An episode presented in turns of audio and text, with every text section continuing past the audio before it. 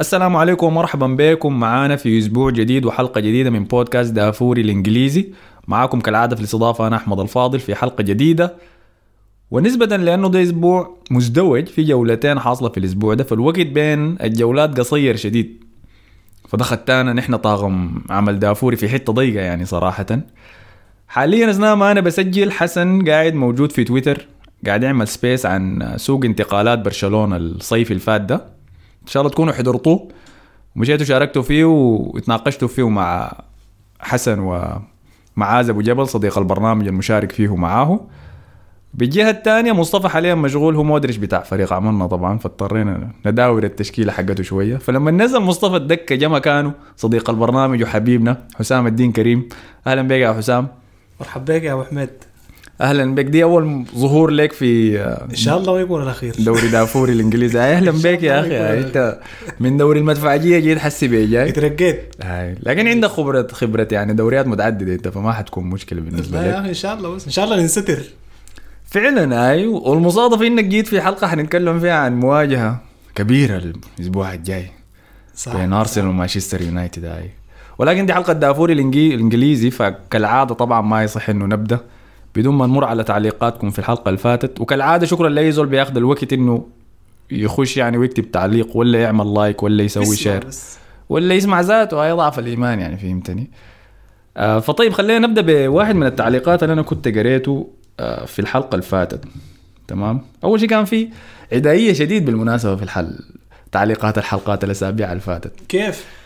شكله الانحيازات بتاعت كل واحدة كل واحد مننا بدأت تظهر في الحلقات يعني. شيء طبيعي أيوه. شيء ف- طبيعي. خاصة أنت طبعا. أنا ده, ده الشيء اللي ما فاهمه لأني أنا بسمع الحلقات وشايف نفسي يعني موضعي شديد وقاعد أحاول ما أنحاز قدر الإمكان يعني. وبعد ما أنتقد أي فريق في نهاية المقطع بتاعه بقول اتمنى لهم طبعا إنه يصلحوا أمورهم. فبحاول أكون دبلوماسي. لا لكن يا أحمد غايته شنو؟ بس ارجع راجيك إنت. وطيب الحلقة دي طيب خلينا أبدأ بتعليق كان حاد اللهجة يا مان طيب. من صديق البرنامج أحمد قال برنامج جميل بس حبيت أعلق على إنه الدوري الإنجليزي فيه فرق تاني غير أرسنال والسيتي. وما عجبتني الإساءة لليفربول بإنه فريق ضعيف وهو هازمك بنتيجة ستة ذهاب وإياب الموسم اللي فات. ها شفتها والموسم ده حتشوف حيحصل لك شنو من الفريق اللي بتقول عليه ضعيف ده. ده منو اسمه أحمد قال. أحمد والله أنا أول حاجة بني أنا طبعا ما كنت قاعد. في الحلقة اللي فاتت لكن بالنيابه عن أحمد أنا بعتذر لك والله. لا لا ما لا ما لا لا لا ما تعتذر له. كيف يعني تعتذر له؟ لأنه هو غلطان بالمناسبة. أنا ما قلت ليفربول فريق ضعيف. أنا قلت الوسط الدخل به المباراه اللي فاتت هو وسط ضعيف. آه okay. ودي ما في اثنين في عليها يعني. حتى إذا قلت ليفربول فريق ضعيف في الظروف اللي هو فيها دي أو في الفترة دي ما ما أعتقد إنه ده وصف. من ضرب الخيال كده. يعني ما وصف سيء. هاي؟ كل الناس عارفة إنه ليفربول ما بيشبه ليفربول يعني السنة اللي فاتت السنة ولا اللي السنة. اللي قبلها أنا ما أقدر أبدأ بليفربول حسي. تمام؟ لكن حنجيك بعدين يا أحمد نتكلم معك زيادة. بس بالمناسبة أنا في توقعاتي بتاعت منو حيفوز بالدوري السنة دي في الصيف أنا قلت ليفربول هو المرشح الأول. ختيت السيتي الثاني تخيل. والله. وبعد عين حسي بيجوا يا man لكن ما حنك. بنجيهم بعدين. طبعا لا يصح إنه نبدأ حلقة الأسبوع ده بدون ما نهبش. أكبر نتيجة أكبر مفاجأة حصلت في الأسبوع اللي فات. اللي كانت خسارة تشيلسي بنتيجة هدفين لهدف واحد ضد ساوثهامبتون. الملائكة ال Saints زي ما بسموه نفسهم. في مباراة ظهر فيها البلوز بشكل ضعيف جدا. آه، في كلام في ضجة ضخمة طبعا حاصلة وسط وسط تشيلسي حاليا. والحلقة دي إحنا بنسجلها بعد ما اكتملت نافذة الانتقالات. أيوه. وخلص فيها تشيلسي المركز الكم من ناحية الإنفاق يا حسام؟ الأول. هاي بمبلغ كم؟ قال 200 كم و- و70 200 كم و70 مليون pound هاي. كمية ضخمة من التعاقدات الجديدة. المركز الثقل حقها كله في الدفاع يا man. حاجة غريبة جدا والله. يعني خليك من الانتقالات دي بس. يعني تشيلسي بتلاحظ في السنين ال- الأخيرة يا أحمد معظم الانتقالات هي بتغطي الجانب الدفاعي. مم. وبينسوا الجانب الهجومي ده يعني حيروك ذاته. تشيلسي ده هو يمكن أكثر من سنتين داخل على السنة الثالثة. من غير مهاجم بيشبه تشيلسي من غير مهاجم اتعودنا إنه نشوف في تشيلسي يعني في ال 10 15 سنة الأخيرة دي. المهاجم اللي بيجيب plus 25 goals في الموسم. فحاجة غريبة يعني حاجة غريبة كانت أنت بتؤمن بموضوع ال- الفلسفة اللي بتتزرع في النادي ذاته وما بتتزرع بالمدرب؟ يعني زي يقول لك شنو؟ زي موضوع الكرة الجميلة مع برشلونة. إنه الحاجات زي دي بتطغى على الأسماء الموجودة حاليا في الفريق. لازم الفريق يتبع النهج بتاعه الأساسي فهمتني؟ يعني لما نفكر عن تشيلسي لازم تفكر بمهاجم رأس حربة تسعة تقليدي جوا الصندوق قوي جسديا. دفاع صلب. صح. فريق دفاعي أكتر. دي دي شخصية تشيلسي المعهودة. شايف لما الفرق تحاول تغير الهوية دي. حاجة دي ضدها ولا معاه يعني؟ فهمتني. أنا أنا أنا النقاش ده يا أحمد سبحان الله يعني خلال الأسبوع اللي فات ده آه، جرى جرى جرى جرى نقاش زي ده في عدد من الجروبات مع عدد من من الشباب. فالكلام كلامنا زي أسطورة سحرية كده. الناس ما بي... الكلام. دائما دائما الناس يعني الناس لأنها أصلا بت بت بتخش في مقارنات ما بين الأندية فباستمرار بتقوم بتضطر للأنواع دي من المقارنات. الكلام عن الهوية هو كلام مشروع في أندية اكتسبت قاعدتها الجماهيرية وعظمتها بهويتها من شكل ال- ال- ال- الكوره اللي بتلعبها الفلسفة اللي قاعد تنتهجها في أندية في المقابل اكتسبت قاعدتها الجماهيرية من خلال شنو؟ من خلال نجاحاتها. نجاحاتها المادية اللي أنا خليني أسميها بين قوسين الألقاب اللي قاعد تحققها. فديل مستويين منفصلات من بعض. يعني أنت عشان تقارن مفترض تكون في سياق معين من السياقين ديل. الكلام عن تشيلسي تشيلسي يا أحمد إذا سمحت لي وإذا رجعنا لتشيلسي من أول يوم جاء رومان إبراهيموفيتش في الفريق. آه، الكلام ده تقريبا 2003 بدت النهضة بتاعت تشيلسي الحالية اللي إحنا قاعد نشوفها مستمره لغاية يوم الليلة تشيلسي لما جاء إبراهيموفيتش خش السوق وجاب كمية بتاعت لعيبة في الوقت ذاك يعني في المواسم الأولى آه، داميان داف آه، ديديه دروجبا صحيح. بعد ذاك الموضوع امتد فترات لفترات يعني جاب كمية كبيرة بتاعت لعيبة في فترة زمنية وجيزة عشان شنو؟ تشيلسي لأنه ما عنده الإرث ال- ال- اللي بيرتكز عليه ما عنده الهوية اللي بيرتكز عليها كان لازم عشان يقدم نفسه في واجهة الكورة الإنجليزية إنه يلوح بشنو؟ يلوح بالعلم بتاع شنو؟ بتاع الألقاب فهو في فترة زمنية وجيزة كان محتاج الألقاب فالحصل شنو يا أحمد؟ عشان أنت تجيب الألقاب بتقوم بتحاول بقدر الإمكان تستهدف أبرز الأسامي اللي كانت موجودة في الوقت ذاك. أول حاجة عملها في رومان أبراموفيتش مشى جاب زول زي مورينيو. مورينيو في الوقت ذاك أي نعم أي نعم آه، بين قوسين خلينا نسميه نكرة لما جاء 2005 في تشيلسي. لكن مورينيو قدم نفسه كبطل ل- ل- ل- ل- ل- لأوروبا. ولو سمعك بتقول الكلام ده ما حيرضى له أي ما ما إحنا بنتكلم بال- بأثر ما كان يعني. كان فاز بال Champions League أي ما قدم نفسه أنا قلت لك قدم نفسه كبطل لأوروبا. جديد يعني. لكن بالنسبة للناس ما يعني ما كان عنده صدى ما كان عنده وجود. أي نعم كتار ممكن يكونوا فازوا بلقب دوري أبطال أوروبا لكن لعبت بيهم ال- الدائرة لعيبه يعني واختفوا بعد ذاك anyway لما جاء مورينيو لما جاء مورينيو بدأ يحقق النجاحات مع تشيلسي بالانفاق السخي اللي كان بيستهدف زي ما قلت لك عشان يبني grassroots أو يبني قاعدة جماهيرية الفريق ده. كان لازم لازم يجيب ألقاب عشان يقول للناس أنا هنا. ففي الفترة دي ما كان مهموم بفكرة شنو؟ بفكرة هوية، بفكرة فلسفة، بفكرة القصص دي. مشجعين تشيلسي ألقاب داير أي مشجعين تشيلسي ارتبطوا بالنادي ده معظم المشجعين، أنا ما حقول كل المشجعين، لكن معظم المشجعين ارتبطوا بفريق تشيلسي في الفترة اللي جا فيها مورينيو وبدأ الفريق يحقق الألقاب وفاز بأول لقب له في الدوري الإنجليزي الممتاز موسم 2005 اللي هو 2004 2005 بعد غياب يمكن 50 سنة ده بعد سنتنا صح؟ هاي طوال الموسم الثاني من أيوة. الانفنسبل ال- ال- ال- الحصل شنو بعد ذاك يا أحمد؟ الحصل إنه الفريق ده لقى فكرة إنه أنا إذا دفعت أحقق النجاح استمر في الموضوع ده.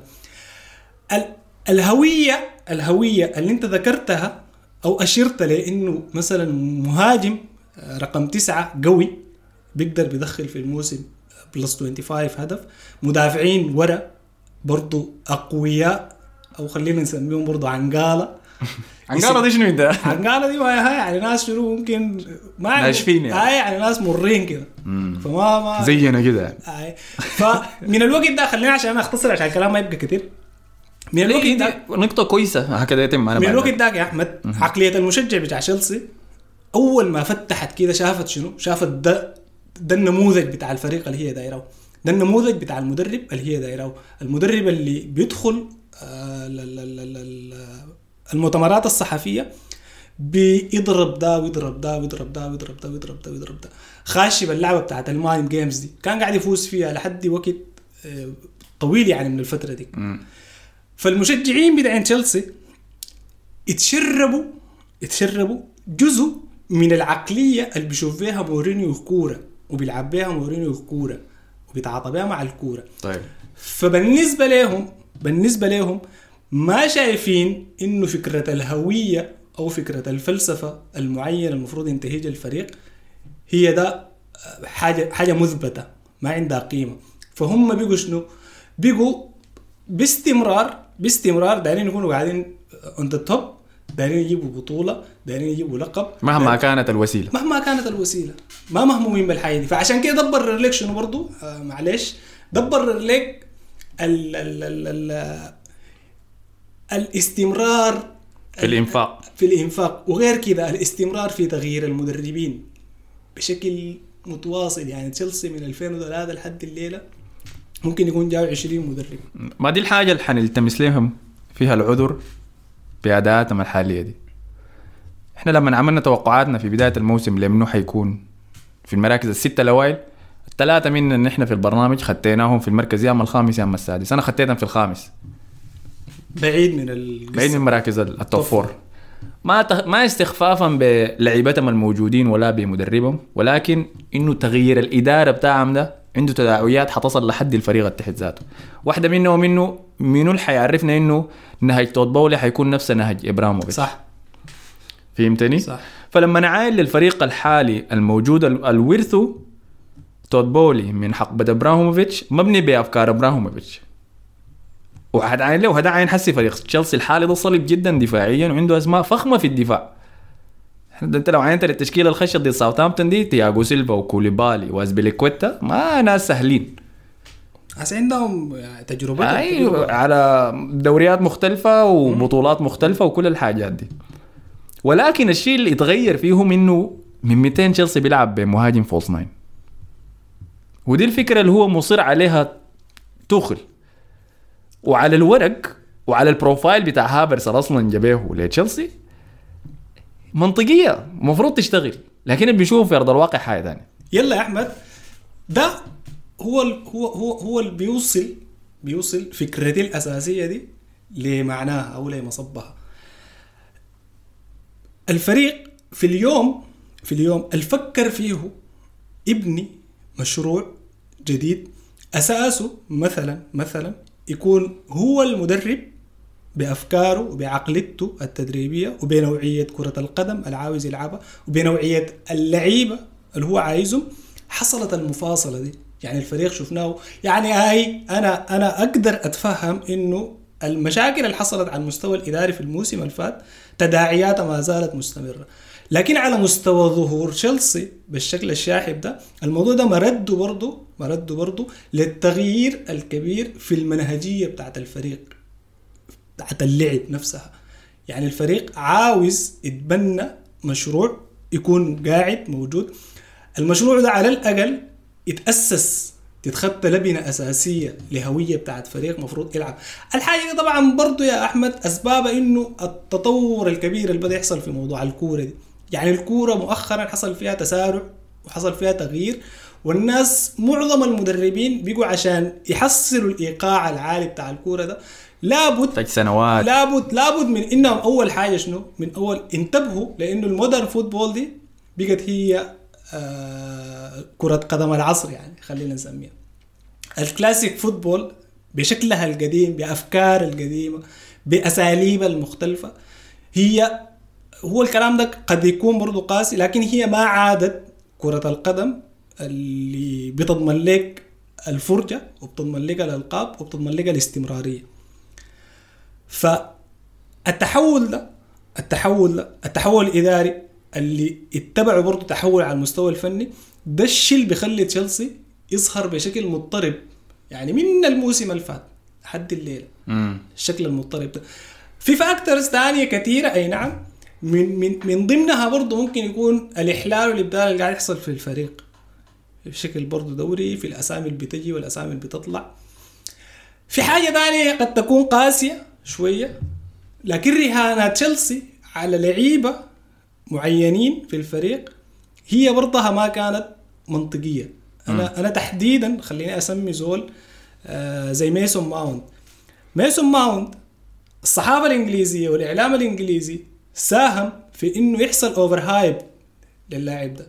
exaggerate الفكرة بتاعت إنه اللاعب ده هو talent فميسون ماونت أي نعم لاعب جيد وجيد جدا قد يكون لكن الحمول اللي حملوها له باعتبار إنه هو آه، نجم كبير أو إنه هو وصل مرحلة الإليتس.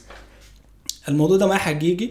والحاجة دي ال- ال- الزادة أكثر يعني مشاكل فوز الفريق. ده بلقب دوري أبطال أوروبا بالاولاد دي نفسهم يعني. يعني تشيلسي ده لما فاز بدوري أبطال أوروبا قبل سنتين الحاجة دي أي نعم هي حاجة ب- ده انجاز كبير وعظيم ويخلد لكن الحاجة دي عندها برضه تبعات سيئة جدا. واحدة واحدة من الإشكالات اللي بتواجه المدربين. الكلام ده أنا ما بتذكر كان بي بي بي بيتم تداوله أيام زين الدين زيدان ومدربين كتار. بيقول لك أصعب حاجة يا أحمد إنك تحفز الفريق الفائز. أصعب حاجة إنك تحفز اللاعب الفائز. فإنت الليلة شلت دوري أبطال أوروبا. أنا بكرة لما نجي التمارين والكورة الجاية أنا ححفزك كيف؟ الحاجة دي لما تتلاقى مع أسامي شابة هم يداب في مسيرتهم سلاح ذو حدين. يا إما هم فجروا في الخصومة بيقوا ما شايفين إنه في زول أحسن منهم وبالتالي الموضوع ده ممكن يأثر على مستواهم ومردودهم واستمرارهم في ال في البوتنشال بتاعهم إنهم يحققوا النجاحات بتاعتهم. أو في الاتجاه الثاني اذا لقوا جو كويس ومدرب كويس ممكن يبقوا حاجة فوق الخيال. آه، نقطتك دي ممتازة شديد. التحفيز كان موجود بداية الموسم اللي فات. تذكر بداية الموسم اللي فات تشيلسي مشى في run ممتازة في أيوه فاز ثلاثة مباريات تقريبا ولا أكثر كان متصدر كان, كان سيتي. لحد شهر 12 يمكن. أيوه أيوه أيوه. لحد فترة ال Boxing. لحد متذكر أنا مباراة يمكن عادل فيها ضد برايتون. طبعا حصلت كمية من المشاكل ما دار أخش بيها ده ما حصل تشيلسي. لكن شنو؟ مرة بكمية من المشاكل خربت له محاربته على محاربته على الهناية على الدوري. اللحظة المرق فيها الزلق فيها تشيلسي من سباق الدوري الناس دي كسروا الحنك زي ما أنت قلت. فشكله التشجيع اللي اداهم له توخل بداية الموسم دايرين نفوز بالدوري السنة دي ده هدفنا الأول. بعد ما اختفى الناس دي كسروا الحنك. الحاجة دي كانت واضحة لأنه بعديها لما سافر وكان لبطولات كأس العالم للأندية والحاجات دي كانوا بيلعبوا كويس بيأدوا. الدافع كان موجود. لكن بعديها لما رجعوا الناس دي بعد ما أخذوا كأس العالم للأندية ده وجوا راجعين الدوري فورمتهم سيئة جدا. صح. تصدق إذا قلت لك إنه الموسم اللي فات تشيلسي فاز 8 مباريات بس في ملعبه في ستانفورد بريدج. إيفرتون اللي كان في معارك الهبوط دي فاز بمباريات أكثر منه في ملعبه. فالمشكلة إنه الاختلال ده حصل مع مشاكل الملكية والتبادل صح، صح. وحظر الدخول المشجعين فما بنقدر نقول إنه ده هو السبب بالتحديد ما أيوه بقدر أيوه أيوة. ما بتقدر ما بتقدر تفصل برضه إنه ده ما عنده تداعيات يعني الحاجات هي شنو؟ مشاكل كلها جات مع عشان. كده التعامل مع حالة تشيلسي الحالية دي صعبة شديد صح. لكن شكلهم على أرضية الملعب لا يطاق ما بيتحضر ذاته هو هو الفريق ممكن يكون بائس بائس جدا ظهوره مشاكل عادي يعني ما بيصدق إنه لاعبين زي ميسون ماونت وهافرز ديل لهم سنة ونص بيلعبوا مع بعض مثلا. ما بي ما بيشوف سنه الحاجة دي. ونص أكثر من سنة ونص. فدي دي دي هي النقطة يا أحمد. بال- من الناحية الفنية من الناحية الفنية لما تجي تعاين للعيبة ده technically فبتلقى في صعوبة في إنهم شنو؟ في إنهم يكملوا الصورة اللي عاوزها توخيل. تحديدا في ما يلي شنو؟ صعوبة ولا كسروا حنك أصلا؟ خلاص لا هو في. صعوبة حتى. هو في صعوبة. في صعوبة كيف؟ في صعوبة ما انت لما تلعب زول زي هافرتز آه مثلا false nine فانت محتاج من هافرتز ما انه يسجل اهداف بس هاي هو حوجتك للأهداف منه هاي قد تكون موجودة. لكن الأهم من كده إنه اللعيبة اللي حوالينه هم يسجلوا الأهداف اللي هم ميسون ماونت والزول اللي ما قادرين يختاروه لحد الليلة يعني من الموسم اللي فات. هل بوليسيتش هل زياش هسه جا ستيرلينج أنا بخليك. أنا بتكلم من الموسم اللي فات. طيب. فلما انت ما تلقى ما تلقى القيمة التهديفية اللي بيكملوها لك النفرين مع هافرز اللي حيقوم بالأدوار بتاعت بتاعت ال false nine فهنا في خلل. هنا في خلل. الحاجة دي لما تجي الموسم ده برضه وتبدا يعني ستيرلينج ده اهدافه بدأ بدا بدأ يسجل أهداف. أي نعم ستيرلينج بيسجل اهداف ومفيد بالنسبة للفريق. لو تذكرت أحمد في في حلقة من حلقاتنا إحنا جات سيرة تشيلسي وستيرلينج وأنا تكلمت تحديدا عن قصة ستيرلينج إنه ستيرلينج لاعب كرة قدم جيد جيد جدا يعني. في مدربين كتار بيحتاجوا لستيرلينج ده. لأنه لاعب غير متوقع لأنه لاعب حركة ديناميكية يعني ستيرلينج مهمه جدا ومفيده للفريق. فحاليا نوعا ما نوعا ما بدأ ينشأ آه بدأت تنشأ حالة بتاع التواصل ما بين ستيرلينج وما بين ميسون ماونت لأنه ستيرلينج عنده حساسية تهديفية كويسة. كويسة. هي ما full لكن كويسة. بيقدر بيسجل أهداف بيقدر بيتحرك في شنو؟ في ظل آه كي هافرتز لكن ميسون ماونت بوليسيتش زياش حقيقة علامات استفهام كبيرة. لأنه الليلة دي الثلاثة لعيبة دي لحد الليلة ما فيهم واحد بالمناسبة يستحق إنه يكون أساسي. لأنه أدائهم متذبذب كلهم آه ال contributions بتاعتهم برضها تكاد تكون متذبذبة باستثناء نوعا ما نوعا ما تلقى ماونت متميز عنهم. لكن برضه ما الرقم اللي لكن ماونت هو أكثر واحد بياخذ دقائق فيه. أيوه أيوه. يعني لكن تخيل ما لو الرقم كل- اللي بيشبه دقائقه اللي بياخذ بالضبط. أيوة. شكراً لك. ما الرقم اللي بيشبه دقائقه اللي بياخذ أنا داير أشوف بوليسيش ياخذ نفس دقائق ماونت وأحكم عليه. بوليسيتش بدايته قد تكون كانت مبشرة. إصابة حصلت له إصابة حصل له دروب في المستوى. أنت كمدرب محتاج إنك شنو تتعامل مع الحاجات دي كلها. بعدين انت يا توخيل انت ما مدرب آه، الليلة ولا امبارح. توخيل قيمة تدريبية كبيرة كبيرة جدا. ما في أي اثنين ثلاثة. حتى على المستوى ال- على مستوى على مستوى ال ال ال الجوانب النفسية والجوانب الذهنية عنده القدرة على إنه يشتغل على على البروفايل ده يعني. ما عنده أي مشاكل في الحاجة دي. في قصة أنا كان متذكرها. عن أيامه في دورتموند مع هنريك مخيتاريان إذا متذكره. فهنريك زول مثقف كده زول ذكي هنريك. كان الناس لما تحكم عليه ككروي بس ما تلاحظ الحاجة دي فيه وتستخف به لكن زول ده بيتكلم حكايه خمسة ولا ستة لغات كان. فلما توخل جو يستلم تدريب دورتموند وفورمة هنريك كانت سيئة. كان بيجي وبيقعد بيتكلم معاه فهنريك هنريك لما حكى الحاجة صلحت فورمته وفهموا لتوخل كان إنه توخل بينصحه بكتب قال له. بيتناقشوا في مواضيع بيقوم بينصح عن الكتاب اقرا الكتاب ده. قال حتى مواضيع خارج كرة القدم. لكن ده خلق تفاهم كده بيناتهم. خليته يقدر توخل يعني كزول بيفهمه. فلما الناس يتكلموا حسي عن توخل كإنسان بارد ومدرب دفاعي وتفكيره وس... ع- عقيم يعني كل حاجة أنا ما بصدق. لا لا لا. وأنا بعاني إني أشرح للناس الصغار في السن مثلا إنه توخل ده في يوم من الأيام كان مدرب هجومي. ما بيصدقوا الحاجة دي. أصلاً أي. توخل مدرب. ما بيصدقوا الحاجة دي. فلاقين دقيقة إحنا ادينا تشيلسي كده وقت كتير شديد. آخر نقطة حلمز عليها بس بما إنك أنت موجود معانا. في ال deadline day تشيلسي وقع مع مهاجم برشلونة وكابتن أرسنال السابق بيير إيمريك أوباميانغ وتم إعلان الصفقة ونشر الصور حقته بفانيلة تشيلسي الرسمية. فتوقعاتك للصفقة دي شنو؟ وانطباعك عنها شنو بالتحديد؟ هي صفقة بتحكي عن عن حالة يا أحمد. فقلت لك الصفقة بتحكي عن حالة يا أحمد. يعني لاعب قبل أقل من سنة كان قاعد في أرسنال. طلع مشى اسبانيا برشلونة. برشلونة بالمناسبة تعاقد معه كان العقد مشروط. إنه آه، ممكن برشلونة ينهي العقد في ظرف زمني معين. أنا هسه ما اتذكر التفاصيل لكن ذكرنا الكلام ده في الحصاد إنه. العقد اللي هو مشى به لبرشلونه كان عامل كيف وشرطه شنو. لما الليلة بعد أقل من ستة شهور آه، أو خلينا نقول مثلا الليل شهر كم ده؟ يعني شهر تسعة صح؟ تسعة شهور لكن كورة كورة كده الموضوع ده مفوت له أربع شهور. لما نيجي الليلة يكون موجود في تشيلسي ما أعتقد إنه ده لاعب آه حيكون مفيد شديد بالنسبة للفريق. اوباميانج قيمة تهديفيه ممكن بيسجل أهداف وكثيرة قد قد تكون يعني الأهداف بتاعته. لكن في الظروف اللي فيها تشيلسي حاليا اوباميانج ما اللاعب المسعف ما اللاعب القادر على إنه يحلحل ولو جزء بسيط من المشاكل بتاعت تشيلسي. لأنه تشيلسي مشاكله معقدة ومركبة يعني ما بس لأنه ما بسجل كورة ما بسجل أهداف عفوا.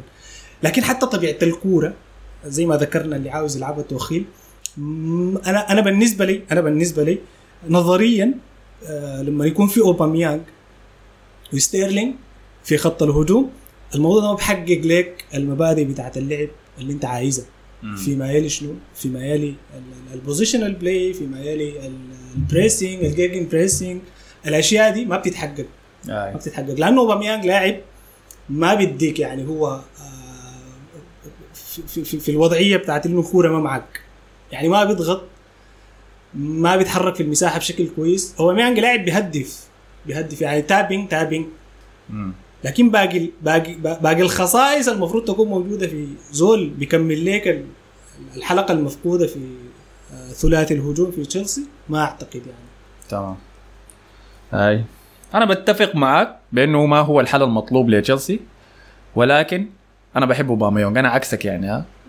الموضوع ما عنده علاقة لا. ما لا, لا أنا بس داير أخذت النقطة دي يعني كويس لكن ما تدخلني تقول بتمنى. بتمنى له كل الخير والقصة ال- السرقة اللي تعرض لها في برشلونة أيوة. والإصابة بتاعت مضروب في فك في. فكه أيوه عنده إصابة ما بيقدر يلعب بسببها ف وعنده وشم طبعا بأرسنال عارف الحاجة دي. في أولاده شايلين ال- الكاس بتاع ال FA Cup وهو ماشي داخل استاد الإمارات فأتمنى له عدم التوفيق مع تشيلسي على أرض الملعب ولكن أتمنى له حياة جميلة يعني في مزدهره لندن. لندن في لندن حبة high high. في لندن. high آه مباراة تشيلسي الجاية ضد ويست هام يونايتد. تتوقع لهم شنو؟ ها فوز ويست؟ هام يا أحمد هو في ظروف برضه شنو؟ معقدة شديد. ظهر في المباراة الأخيرة بشكل كويس. آه كان بيستحق أكثر من نقطة قدام توتنهام. صحيح. فده بخليه شنو؟ بخليه ماتش صعب بالنسبة لتشيلسي، يعني مباراة متوقعة هي مباراة ديربي. آه غير متوقعه عفوا هي مباراة ديربي. فحتكون صعبة يعني. حتكون صعبة. كان لتشيلسي كان لويست هام. آه الدافع عن ويست هام آه، ما بيقل. أكبر ما يعني. بيقل من الدافع عن تشيلسي. والفريق يعني ما عنده استعداد إنه يخسر نقاط كثيرة. تدخله بعد ذاك في مرحله بتاعت شك. آه خاصة مع الأسامي الكثيرة اللي هو شنو برضه جابه في. في النافذة بتاعت الصيف. فوفانا طبعا أكمل توقيعه مع تشيلسي فاحتمال كبير يكون في التشكيلة الأساسية ولا الاحتياط في المباراة دي يعني. أي. آه جالجر حيكون عاد من ال- الطرد بتاع الكرت الأحمر بتاعه. كان في تعليق عن جالجر ده في الحلقة اللي فاتت أنا قلت ذاته آخذ رأيك سريع كده عنه. آه لأنه بعد نطلع خلاص من تشيلسي. فكان مونتي قال جالجر من الناحية الدفاعية هو عدواني في إغلاق الفراغ بينه وبين حامل الكرة في كريستال بالاس. آه ف لكن عنده هفوات لما يكون لاعب جورجينيو بتظهر فلما يعود كانتي حيظهر بشكل أحسن. ده كلام مونتي. تتفق معاه ولا ما بتتفق معاه؟ ما ما يعني ما ما حقدر أقول لك بتفق ولا ما بتفق لكن جالجر كويس. جالجر لاعب كويس. لاعب محتاج استخدامه ده بس ما يعني ما محتاج ثقة ومحتاج ممكن يستخدم في يتم است... يعني شفناه إحنا في كريستال بالاس كان أقرب ل ل box to box. صحيح. يعني أقرب من إنه يلعب في double pivot. أفضل بالنسبة له انه يلعب في box to box أو حتى ممكن يشغل واحدة من المراكز شنو؟ آه بتاعت. الوسط الهجومي. امم مكان ماونت أنا شايف إذا اخذ ادوار متقدمة مم. ممكن ممكن يظهر بشكل كويس. أي. وتاني أنا مونتي حاجة ما بحبها لما يقولوا لي خدت اللاعب ده ج- جنب كانتي وحيظهر أحسن. أي لا لا لا. لأنه ده زي غش كده يعني. هو بالمناسبة ما أنا ما قادر ألقى أي حاجة بتجمع كانتي وغالاغر كلاعبين محور مع بعض. يعني ما ما ما جوطه في جوطه هاي ما في ما يربطهم. يعني انت عادة بتحاول تكامل بين اللعيب اللاعبين بتاعين المحور. مم. يعني واحد مثلا يكون defensive roles الثاني offensive واحد آه قادر على إنه يلعب بالكورة الثاني بيلعب بالمجهود. نعم. كده. لكن آه كانتي ما في ما- حاجة كده. تقدر شنو؟ معاذ قال هافرز ده عن قريب.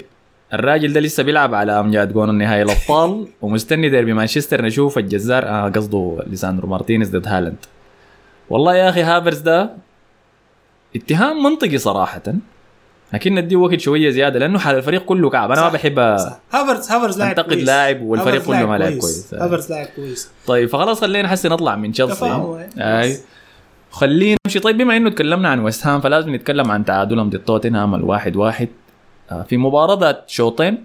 شوط أول شفنا فيه تفوق لتوتنهام وظهور العقم الهجومي المستمر مع ويست هام من بداية الموسم نزل بيعانوا عشان يسجلوا أهداف. وما ساعدهم في المباراة دي إنه سكاماكا تعاقدهم الجديد. كان مصاب فبدا المباراة أنطونيو. وده السبب أصلا جابوا له سكاماكا ده عشان يقدروا يريحوا أنطونيو ده شوية. كده الموضوع ما اشتغل يعني. آه توتنهام قدر يسجل الجون الأول في الشوط الأول عن طريق هدف عكسي سجله كالهر. مدافعهم الجديد برضه جا في النافذة الصيفية دي. كميه ضخمة من التعاقدات جابوا لهم. جابوا أسامي كثيرة يعني. يعني إذا عينت ل... ل... للأسامي الجات أسامي ذاتها شنو؟ جودتها كويسة. يعني بتلقى جابوا أول حاجة التعاقد الأبرز هو لوكاس باكيتا. من ليون. أنا كنت قاعد أقول لك كان المفروض نحن نجيبه يا والله يعني والله يا أحمد يا أخي ما هو قصة نجيبه وما نجيبه دي ما الموضوع ده ما ولا ده إحنا خلينا بعدين خلينا كويس بعدين. كويس. لما نيجي- نصر ناصر. لما لما نيجي نتكلم عن دي جابوا باكيتا. جابوا سكاماكا جابوا آه كورني. كورني برضه لاعب عنده تجربة بيرنلي. كويسة. هاي أيوة، كان أيوة. في لا تجربة كويسة في الدوري الإنجليزي يعني. جابوا ايمرسون بالميري الظهير الشمال اللي كان في تشيلسي. ومشى روما وما عارف. مشى كمية بتاعت انديه كده. يعني تشيلسي زادوا لما جابوا أنا ما عارف كان جابوا ليش تشيلسي. يعني جابوا تشيلسي لعب إن تشيلسي أيام بسيطة أو كور بسيطة جدا. أي. وياهو جابوا كيرر ده وجابوا حارس المرمى أريولا. ألفونسو أريولا. أيوه صحيح. فدي أسامي كثيرة دي أسامي كثيرة. دي واحدة من المشاكل يا أحمد كانت واجهت ويست هام ده في فترة سلافين بيليتش الفريق بيدخل السوق من غير رؤية معينة يعني. أنا ما قاعد أشوف إنه ويست هام ده. ويست هام ده ك quality بتاع بتاع بتاع لعيبة quality بتاعه جيد. ما هو المفروض يكون قاعد في المراكز دي. حتى خليك من الأسامي اللي جات هسه الأسامي انها الموسم اللي فات في مراكز متقدمة وكانت قاعدة بتفرفر كده في مراكز. الطفور دي لحد فترة قريبة يعني متأخرة من الموسم. فما في ما في مبرر إنه كل الأسامي دي تجي ويست هام والأسامي اللي فاتت الغريبة إنها قاعدة. يعني بوين قاعد آه انطونيو قاعد سوسيك قاعد رايس قاعد ما قاعد يحصل سعيد بن رحمة قاعد. آي. أنا ما عارف الناس دي حيستوعبوا مويس كيف فدي حتكون مشكلة أنا شايف. حتكون مشكلة ممكن تواجه ويست هام على ال على ال على, ال على المدى الطويل يعني. ثالث فريق انفاقا في النافذة الصيفية دي. آه طبعا أصلا واحد اثنين ثلاثة أربعة. السبعة الأوائل في العالم كلهم فوق دوري إنجليزي. ما فيها كلام. المركز الأول تشيلسي ذكرناه لكم قبل. المركز الثاني مانشستر يونايتد والمركز الثالث ويست هام فأنا دي حاجة ملاحظة وحعاين لترتيب. الدوري ده في نهايته حتنتهي كيف؟ لأنه يبدو إنه في ظاهرة جديدة في الدوري الإنجليزي. إنه بس عشان تفضل في نفس مركزك اللي أنت خلصت فيه السنة اللي فاتت لازم تشتغل على تدفع 100 مليون. 100 مليون دي بتقعدك بس في الحتة اللي انت كنت فيها السنة اللي فاتت. وهي كلامك ده منطقي ليه؟ لأنه اللي حوالينك اللي فوقك والتحتك قاعد يدفع. آه، دافعين 100 مليون. أي فعشان كده موضوع ال 100 مليون فدي دي. مشكلة هنا. الناس اللي بيلعبوا whist يا أحمد آه، بيقولوا شنو؟ مثلا لما الناس يكونوا لاعبين whist أنت قاعد تلعب whist ولا لا لا؟ ما قاعد تلعب whist. آه. الناس اللي بيلعبوا whist والناس يكونوا كتار برا. فقوم أقول لك نفرش الترابيزة ب 10 يعني الناس ما تبدأ صفر صفر ال score تبدأ 10 10 وال whist ال- ال- ال- ال score 25 آه. فالناس لما تبدأ كلها ب 10 يا هذه ال 100 بتاعتك عشان تنجيزها سريع. أيوه. بس. ف ويست هام الشوط الثاني ظهر أحسن من توتنهام وقدر يسجل جون جميل صراحة عن طريق سوتشيك صنعه له أنطونيو. وكان تفوق واضح ل ويست هام في الشوط الثاني. وده طيب كده okay إحنا تكلمنا عن جزء ويست هام. فده بيظهر مشكلة موجودة في توتنهام من بداية السنة دي يا حسام. هم طبعا بما إنهم جارنا المزعج. والمواجهة منتظرة يعني بيناتنا الاثنين فأنا جادع لي عين قاعد أراقبهم بيعملوا في شنو. والشيء الملاحظة؟ إنه الناس دي بيفوزوا بأسلوب قبيح في كل المباريات اللي بيلعبوا بها. رقم واحد. ورقم اثنين لحد هسه ما عندهم نهج واضح. يعني الأسلوب اللي أنا شفته بهم خلصوا الموسم اللي فات في نهايته كان أفضل بكثير من اللي قاعد يظهره حاليا. لو كان ده أرسنال في مكانه ما أنا ح- حاشعر بالقلق. لأنه لما أكون خاش المباريات وأنا ما عارف إنه على أداء اللي حتوقعه من فريقي ما بحس باطمئنان إنه حنطلع بالنتيجة ولا حنطلع بالنقاط من المباراة دي. كونتي قاعد يعمل ده لحد حسي ولكن حسب خبرتي الحياة دي حتجيب قريبا. ما ممكن يواصل بنفس النهج ده. عنده مشاكل كبيرة في الأظهرة. تحديد ظهير اليمين ايمرسون رويال أنا ما أعرفه لحد هسه مستمر كيف. آه، بيسوما في مباراة ويست هام دي ظهر بشكل تعبان جدا أنا عندي نظرية فيه برضه بيسوما ده. وغير التهمة اللي كان هم محاط بها إنه ليه الأندية الكبيرة ما وقعت معه ولكن الزول ده ما progressive باسر ما بيمرر passات بين الخطوط بتودي بتودي فريقه لقدام وتذكر هو لاعب رقم ستة. فلو أنت لاعب بتقعد قدام الدفاع ومطلوب منك إنك تنقل الكوره لقدام لكن ما بتباصي بين الخطوط معناها الطريقة الوحيدة اللي حتودي بها الكوره قدام كيف؟ إنك تحملها أيوه carrier طبعا. أيوه تبقى carrier فده profile غير مرغوب في كرة القدم الحديثة. فعشان كده شايف إنه صفقة بيسوما ما حتنجح مع توتنهام. ده توقعي أنا الشخصي ولكن اللي قدام حنشوف طبعا. تاني عندك شنو؟ آه، سون لا زال. غايب عن الصايم اي ما ما قاعد يسجل. هو هو ده المقلق يعني بالنسبة لل لعشاق ال fantasy لأنه توتنهام ما عنده جماهير كثير يعني. على مستوى الوطن العربي. واضحين بس يعني. هذه طلع انت ذاتك انحيازاتك هاي لا يلا مش انحيازات هي دي حقيقة طبعا. مم. حتى إذا عنده قاعدة جماهيرية مقارنة بباقي الأندية بتكون بسيطة يعني بتكون ضئيلة جدا.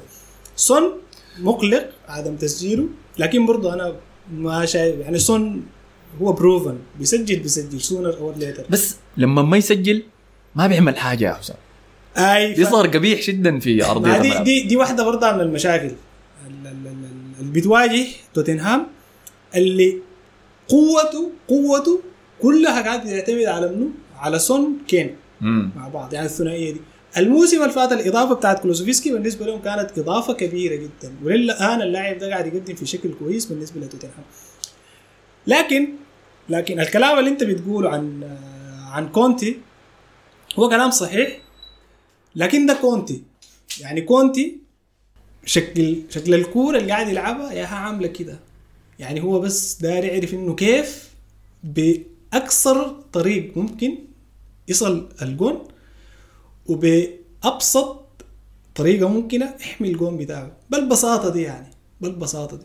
بيعتمد بشكل كبير جدا كونتي على إنه يفتح الملعب يلعب على ال wing backs لكن حتى ما قاعد نشوف ال- الأشكال دي كثيره يعني ما قاعد تظهر لأنه قدرات الظهير ال- ال- ال wing back اليمين اللي أنت تكلمت عنه إيمرسون رويال متواضعة جدا. يعني ما بيديه قوة ولا حتى قوة. زول زي فيكتور موسيس في وقته اللي كان في تشيلسي. صحيح. بيريسيتش إضافة لكن كمان بيريسيتش ما بتقدر تضمن إنه يحافظ على مستواه في الإيقاع السريع بتاع البريمير ليج في 38 مباراة. وإنت برضو عندك استحقاقات تانية يعني زي دوري أبطال أوروبا وكده. لأنه العمر تقدم به الكؤوس مطالب بها توتنهام أي توتنهام هو محتاج عشان يحصل له يعني ياخذ ال next step هو محتاج كاس يقربه. أنا ما أنا أنا الناس اللي بتقول توتنهام مرشح لإنه يفوز باللقب أنا بستبعد الحاجة لأنه توتنهام للآن بشكل الكورة ال- ال- الما واضحة دي. القوة الضاربه بالنسبة له هاري كين وسون. أي غياب لواحد من اللاعبين دي وإن كان هاي ريتشارليسون قاعد الليلة جابوه الموسم ده لكن برضه ما حيكون بنفس الفاعلية بتاعت هاري كين وسون. فاعتماد توتنهام الكلي على الاثنين ديل هو ده بعرقله أكثر مما إنه بقدمه. لا سيما إنه المدرب كونتي لحد الليلة لحد الليلة هو برضه مراهن على قوة الاثنين ديل. يعني ما جاب حاجة جديدة. أنا ما, ما ده ما تقليل من قيمة كونتي كمدرب. أنت قاعد تقول في العصر الحالي ده ما ينفع. ولا أنا حتى أنا شفتها زمان. ولا حتى في العصر الحالي ده. يعني أنا برضو ما قلت كده. لكن محتاج محتاج برضو شنو؟ آه يبقى يبقى أكثر أكثر آه جرأة يبقى أكثر آه تنوع على المستوى الهجومي. يعني برضو ما عادت فكرة ال wing backs دي لوحدها كفاية. هو هسي الشايل وترك ال wing backs ما قاعد يدوه ال optimum شايله كين وسون. كين بس آه يعني حتى مع عموما بين الموسم اللي فات نفسه. فاهمك. فدي مشكلة دي مشكلة. انت يا كونتي أنا طبعا ما في مقام ان أنا أقول انت يا كونتي اعمل كده ولا ما تعمل كده. لكن ما بالشكل ده الفريق ده ما ما بنافس على الدوري ده. ما أظن ينافس على الدوري. طيب فديل آه، كانوا توتنهام. تاني في شنو؟ نيوكاسل ذهب في زيارة لليفربول في أنفيلد وخسر بنتيجة 2-1 آه، ضد ال Reds عن طريق هدف لفابيو كارفاليو لاعبي المفضل في ليفربول يعني. الزول ده أنا معجب كبير به من بداية الموسم ومنتظر إنه كلوب يديه فرصة كده أساسي. آه، واحتمال حاجة دي تجيه بعد اللي حصل لهم في المباراة الأخيرة دي. ولكن سجلوا هدف في الدقائق الأخيرة المباراة دي الدقيقة 98 يا حسام. في والوقت ده طبعا أثار جدل إنه صح. آه ده شنو يا man الحكم كم كان ادى خمسة دقائق. خمسة دقائق وقت إضافي يقوم يسجلوا في الدقيقة 98 آه ولكن المقلق في المباراة دي خلينا نتكلم عن نيوكاسل طيب أول شيء شوية بعد ذاك نمشي لليفربول. تألق لتعاقد نيوكاسل. الجديد ألكسندر إيزاك أي. اللي بيقولوا مسمينه أحمد الفاضل طبعا ناس مصطفى حسن عشان بيقولوا بيشبهني. شايف الحاجة دي أنت ولا هم برام؟ والله يا أخي هم ما كذبوا لا لا يا أخي. والله ما كذبوا هين بيشبه بشه بتاع الهلال الزمان ذاك برضه. مش بشه سيف مساوي. لا لا بيش ما يشبهوا يا أخي. سيف مساوي سيف مساوي. تمام أي. فظهر بشكل ممتاز في المباراة دي. حتى الجون سجلوا الجون الأول بتاع نيوكاسل كان رائع. سجل جون تاني كمان اتحسب بال offside لكن جون رائع داك ذاته بقدرته. رقد الناس دي كلها حتى مع داك سدد. والله يقدم نفسه هو بشكل مباشر. هاي في يعني أصعب مكان كمان ممكن تمشي تثبت نفسك بالضبط فيه أيوه في أنفيلد. فأداء وقد- ممتاز منه. ظهور ظهور محترم والله ظهور محترم. نيوكاسل موسم بادي والفريق ده ما في شك إنه تطور بشكل كبير. الفريق ده حيكون صعب. لأي فريق يزور سان جيمس بارك. وقد يكون صعب نيوكاسل لما يمشي يزور أي فريق ثاني. زي ما شفنا يعني ليفربول عانى قدامه قدري كيف. ليفربول يا أحمد طوال عشان نتكلم عن ليفربول سريع. ليفربول الناس كلها بتتكلم عن البداية السيئة. زولك الزعلان من ال comments. أحمد هاي الكلام ده ليك ها؟ أي آه. هو بيقول إنه كيف أنت تقول ليفربول ضعيف؟ ما إحنا هو أحمد قال لك ما قال ليفربول ضعيف. لكن ليفربول ما بيشبه ليفربول بتاع المواسم اللي فاتت لأسباب كثيرة. الناس طوالي اللي عندها الإجابات الجاهزة معلش يعني معلش اللي عندها الإجابات الجاهزة والأحكام الاوريدي هي موجودة مسبقا تقول لك ماني طلع خلاص ليفربول رقد. دي نص الحقيقة. ما كل الحقيقة كل الحقيقة حاجات كثيرة ماني طلع. الإصابات القاعدة حاليا في الفريق. الأهم من ده كله الأهم من ده كله اللي أنا في وجهة نظري شايفه برضو واحد من الأسباب إنه ليفربول محتاج يتحول فيما يلي شغله الهجومي فنيا. يعني السبب الفني اللي بيخلي ليفربول ظاهر بالشكل ده إنه ليفربول عشان يعالج الفقد بتاع ماني فالحاجة دي ما بتتعالج بلاعب بس زي ما الناس متخيلة. الحاجة بتتعالج بتغيير لنظام لعب يدمج القادم الجديد اللي لحد الليلة في مباراة بدأ فيها أساسي أخذ كرت أحمر وما شفناه يعني بادي مباراة تانية أساسي حيلعب غالبا المباراة الجاية اللي هو داروين نونيز. عشان تستوعب داروين نونيز وفي نفس الوقت تستوعب القدرات التهديفية الكبيرة ما أنت ما ممكن تخسر القدرات التهديفية الكبيرة لصلاح. أنا دار أقول شنو؟ دار أقول إنه كلوب حيطوع نظام بتاع لعب جديد فيه طابع هجومي استوعب التغيرات اللي حصلت دي. ده السبب اللي بيخلي ليفربول يظهر بالشكل البطيء والشكل الغير جيد والشكل المتذبذب ده. ده السبب الفني. الحاجة دي بتظهر متى بتظهر لأنه لما شفنا فيرمينيو في مباراة بورنموث ولما شفنا فيرمينيو في المباراة الأخيرة بتاعت نيوكاسل بيستعيد حاسته التهديفية لأنه في نظام قبل ما القوة الضاربة بتاعت ليفربول تكون بتعتمد على صلاح وماني كان بينتهج يورجن كلوب مستوعب فيه الزول اللي اسمه فيرمينيو ده وفيرمينيو كان بيهدف فعشان يسعف نفسه نوعا ما ويعوض غياب نونيز اللي مفترض يغير الأفكار عشانه عمل شنو؟ استدعى فيرمينيو واستدعى الأساليب دي ما موجودة أو النظام ده موجود مسبقا. يعني قاعد في ذهنية اللعيبة وقاعد في عقليتهم. فعشان تستدعيه الموضوع ده أشبه ب remote control يا أحمد. عشان كده شفنا انفجار فيرمينيو. كلوب لما نطلع في عدد كبير جدا من المؤتمرات الصحفية يتكلم عن إنه فيرمينيو لا يمس فيرمينيو اللاعب الأهم وفيرمينيو ما بيطلع من ليفربول هو صادق تماما.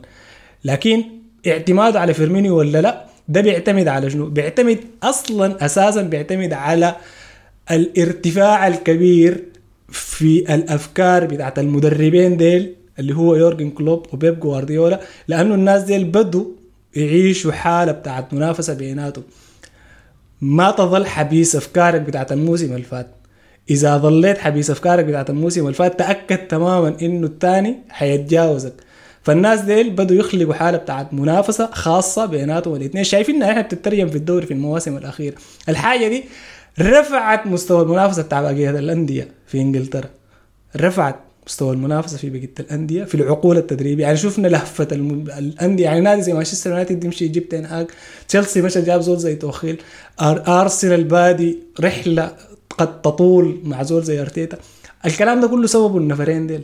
يا أحمد ببساطة. فببساطة ببساطة يعني الخلل اللي قاعد يحصل في ليفربول أو البطء بتاع التطور اللي قاعد يحصل في ليفربول ده سببه الأساسي إنه تغيير النظام الهجومي الجديد اللي المفروض يستوعب داروين نونيز و ما قدر يتفعل لأنه داروين نونيز اضطرد بالضبط يعني مثلا مسألة زمن.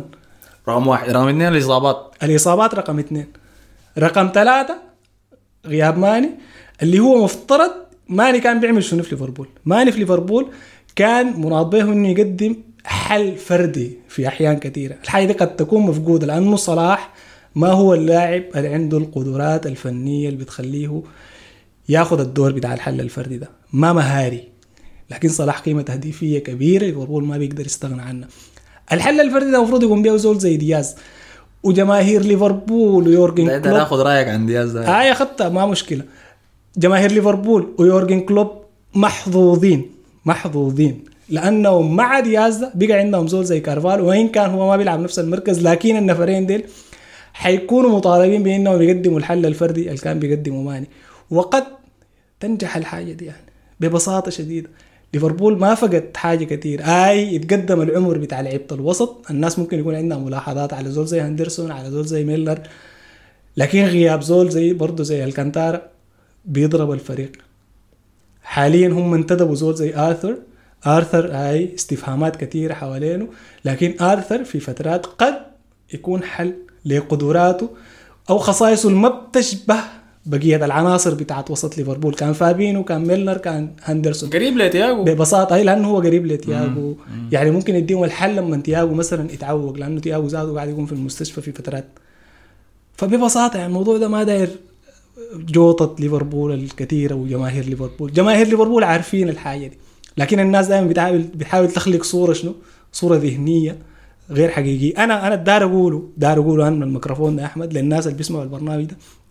إنه غي... طلوع ساديو ماني من ليفربول ما هو كل المشكلة بتاعت ما هو ليفربول. سبب ببساطة يعني. المتعثره دي. طيب. أنت ذكرت أسباب منطقية جدا لتعثرهم في بداية الموسم ده. لا يوجد شخص معين ممكن يلام عليه. يعني يمكن غير داروين نونيز يعني لكن بحكم إنه مهاجم صغير السن ما بنقدر نلومه كثير على الخطأ اللي ارتكبه كان في نقلة مفروض تحصل في ليفربول ده زي ما أنت قلت كلامك ده صحيح. بأنه المهاجم ما كان المركز الوحيد اللي استهدفه يورجن كلوب في الصيف. الهدف الأول بتاعهم في الصيف اللي فات ده كان تشواميني كانوا دايرين الخليفة بتاع فابينيو. فابينيو إذا قعدت تتابع اداء ليفربول من بداية الموسم سيء جدا. ومن نهاية الموسم اللي فات أنا شايفه سيئا وقاعد اعاين له. كلوب عارف الحاجة دي وكان مخططه إنه هذا حيبدأ الجيل الجديد يلا. هو لا إذا لاحظت عمل تعاقدات في, في الدفاع. إحنا شفنا دخول كوناتي شفنا حسي تسيميكاس ده الظهير الشمال. وترند طبعا صغير. فقاعدين نلاحظ التجديد ده تجهيز لجيل جديد. شفنا نفس العمل هذا بدأ بالتعاقد مع داروين نونيز ولويس دياز في الخط الهجومي. كان الوسط ما تهبش حتى جوتا برضه نحن يعني جوتا أيوه مهاجم رائع أيوة. برضه إصابته مؤثرة على الفريق. الوسط ما تهبش الوسط هو كان داير يبدا بيه في الصيف ده بتشواميني الريال دخل في الخط وحدث ما حدث. إحنا شفنا الحصل شنو. المشكلة إنه ما كان في خيار بعد ده يا حسام. ولكن معرفتي بالهيكل الإدارية بتاعت ليفربول وفريقا بتاع ال- البيانات اللي بيتعامل مع التعاقدات. أنا متأكد كان في رقم اثنين موجود تحت تشاميني يا حسام.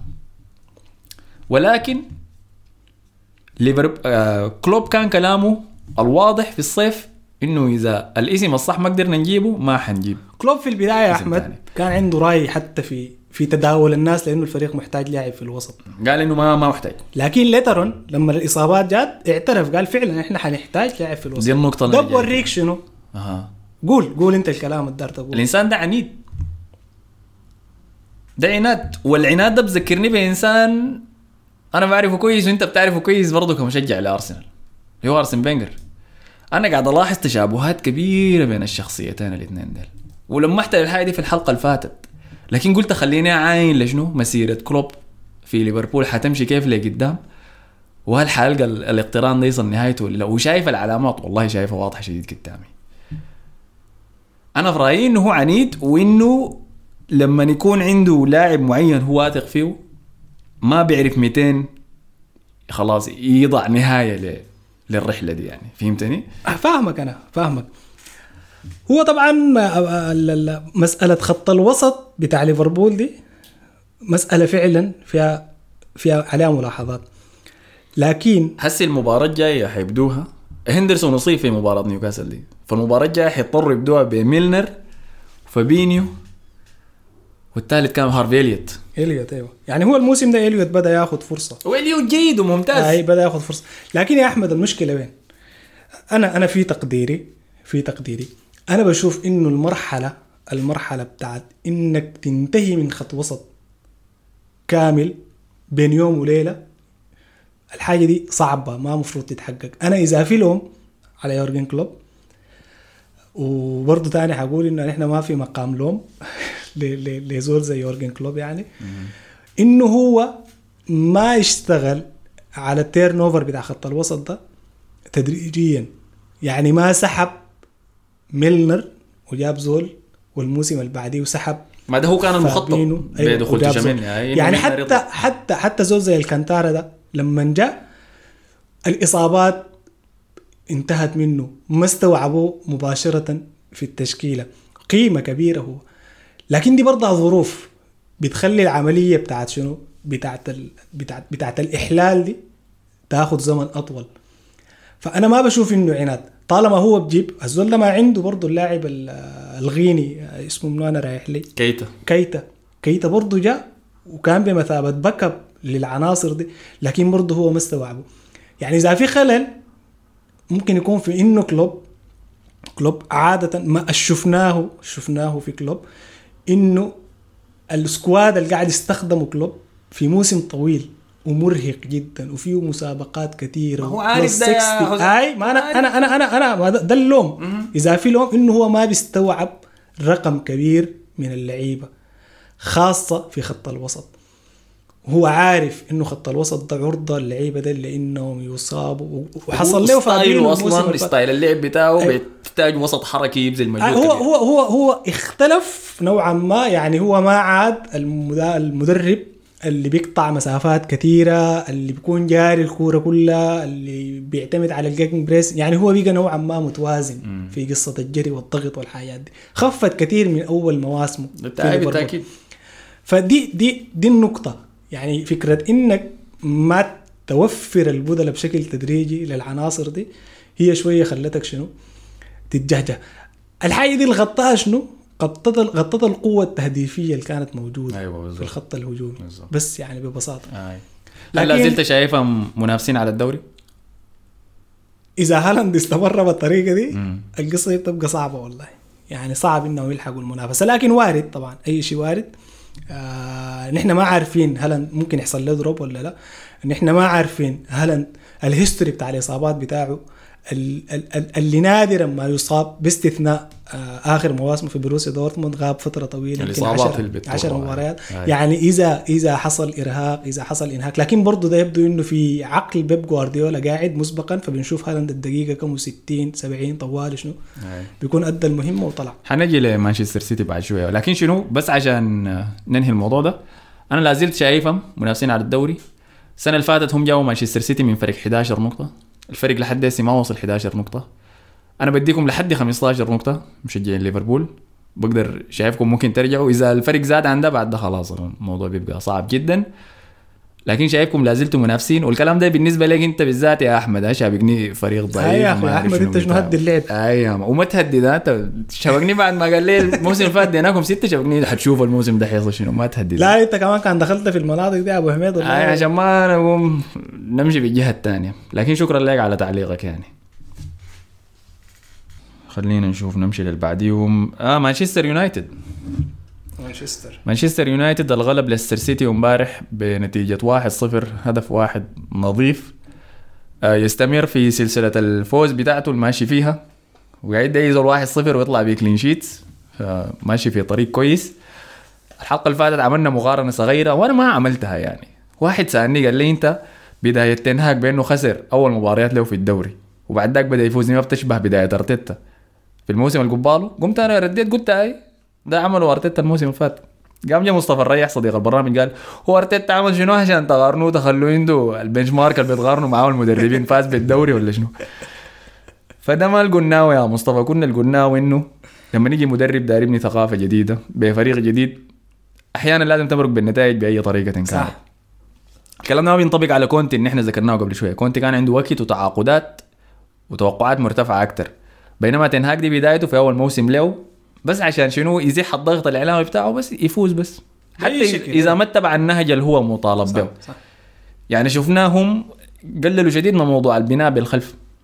يعني ولا حاول يعمل شوية ضد مباراة ليستر دي ذاتها وبعد ذاك كسر الحنك دي خي أنا ما أعرف دي أوامر من تنهاك إنه بطل الموضوع ده لأنه ما عنده القدرة عليه. وشفنا إنه تعاقدوا مع دبرافكا أيوه أيوه. حارس نيوكاسل اللي هو ممكن يديهم عمق في الموضوع ده يعني. لكن حاليا مطالب بالنتائج بس وده اللي عمله ضد ليستر سيتي. بالهدف اللي سجله آه، جيدن سانشو في الشوط الأول من المباراه بعد صنعوا عليه راشفورد. ضد ليستر سيتي الظاهرين كأشباح حاليا يا حسام. فريق سيء بجد ليستر سيتي. عمره ما بيكون مقياس يعني. أداء مخيب للغاية. الفريق تقريبا لحد الليلة ما ما ما حقق ولا انتصار ليستر سيتي. صح؟ صحيح. والشيء قاعد- المقلق أكثر إنه خاصة في المباراة دي شكلهم كسروا حنك روجرز يا مان. في الشوط الأول الأداء اللي أنا شفته منهم دي الناس ما قاعد ما قاعدين في أرضية الملعب أصلا. في الشوط الثاني كان في ردة فعل شوية شكله كورك فيهم بين الشوطين ولكن العلامات كلها بتقول لي حسي إنه قريبه. قربت هاي. بيلحق توماس باركر سكوت باركر. شكله هاي. شكله. أنت كيف؟ أنت شايف شنو؟ أنا والله يا أخي ما ما, ما شايف إنه روجرز هو مدرب كعب. قادر على إنه شنو يطلعهم من الكابوس اللي هم فيه ده. لكن ما تقدر تفهم يعني ليستر سيتي ماله يا أحمد. حقيقة ما تقدر تفهم ليستر سيتي ماله. ليستر سيتي بعد المباراة طلع وقال في المقابلة الصحفية إنه مع كل الاحترام ولكن ما حصلنا على دعم كافي في نافذة الانتقالات. في انتقاد واضح للإدارة يعني. هو أنت إذا عاينت فعلا لل...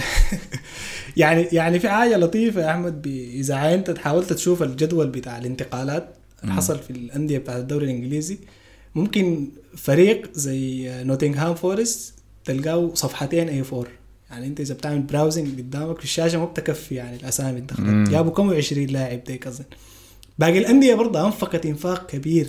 جابت أسامي كثيرة. تشيلسي في السوق ارتباط. تشيلسي في السوق كله إنه تشيلسي داير يتخلص من فلان. تيليمانس ما عارف احتمال يمشي أرسنال. فوفانا احتمال يمشي تشيلسي. ماديسون احتمال يمشي وين. لكن ما في. ما في قادمين. ما في ما في. ليستر سيتي خارجين بس ما في يعني قادمين. دي مشكلة كبيرة. والفريق ده خسر يعني الموسم اللي فات خسر لعيبة والموسم اللي قبله خسر لعيبة. هاي هو قاعد يعمل انتدابات شوية كده متواضعة لكن هو كان بيحافظ على مستواه وبقائه ده بسبب آه برندان روجرز يعني. أي. ما, أنا ما, ما بسبب تاني. من الكلام اللي قريته إنه في الملاك حاليا ما عندهم سيوله ماليه يقدروا يدعموا بها النادي يعني. المشكلة هو هو ستيل التايلاندي ذاك أي. أي. فالمشكلة دي إنه في دي جات في أسوأ وقت ممكن. جاء في النافذة ال... كل النوادي زي ما قلت لك مشوا دفعت 100 المية. مليون. أي فخلاص. النافذه أبو 100 دي أبو 100 السنة المئوية دي. فالوضع مقلق صراحة اليوم يا أخي. وإن كانت الجودة الموجودة عندهم يعني الأداءات اللي قاعد يقدموها ما قاعد تعكس. أما فيما يلي مانشستر يونايتد يا أحمد هو كلامك اللي أنت ذكرته عن تنهاج نسبيا صحيح. نسبيا صحيح.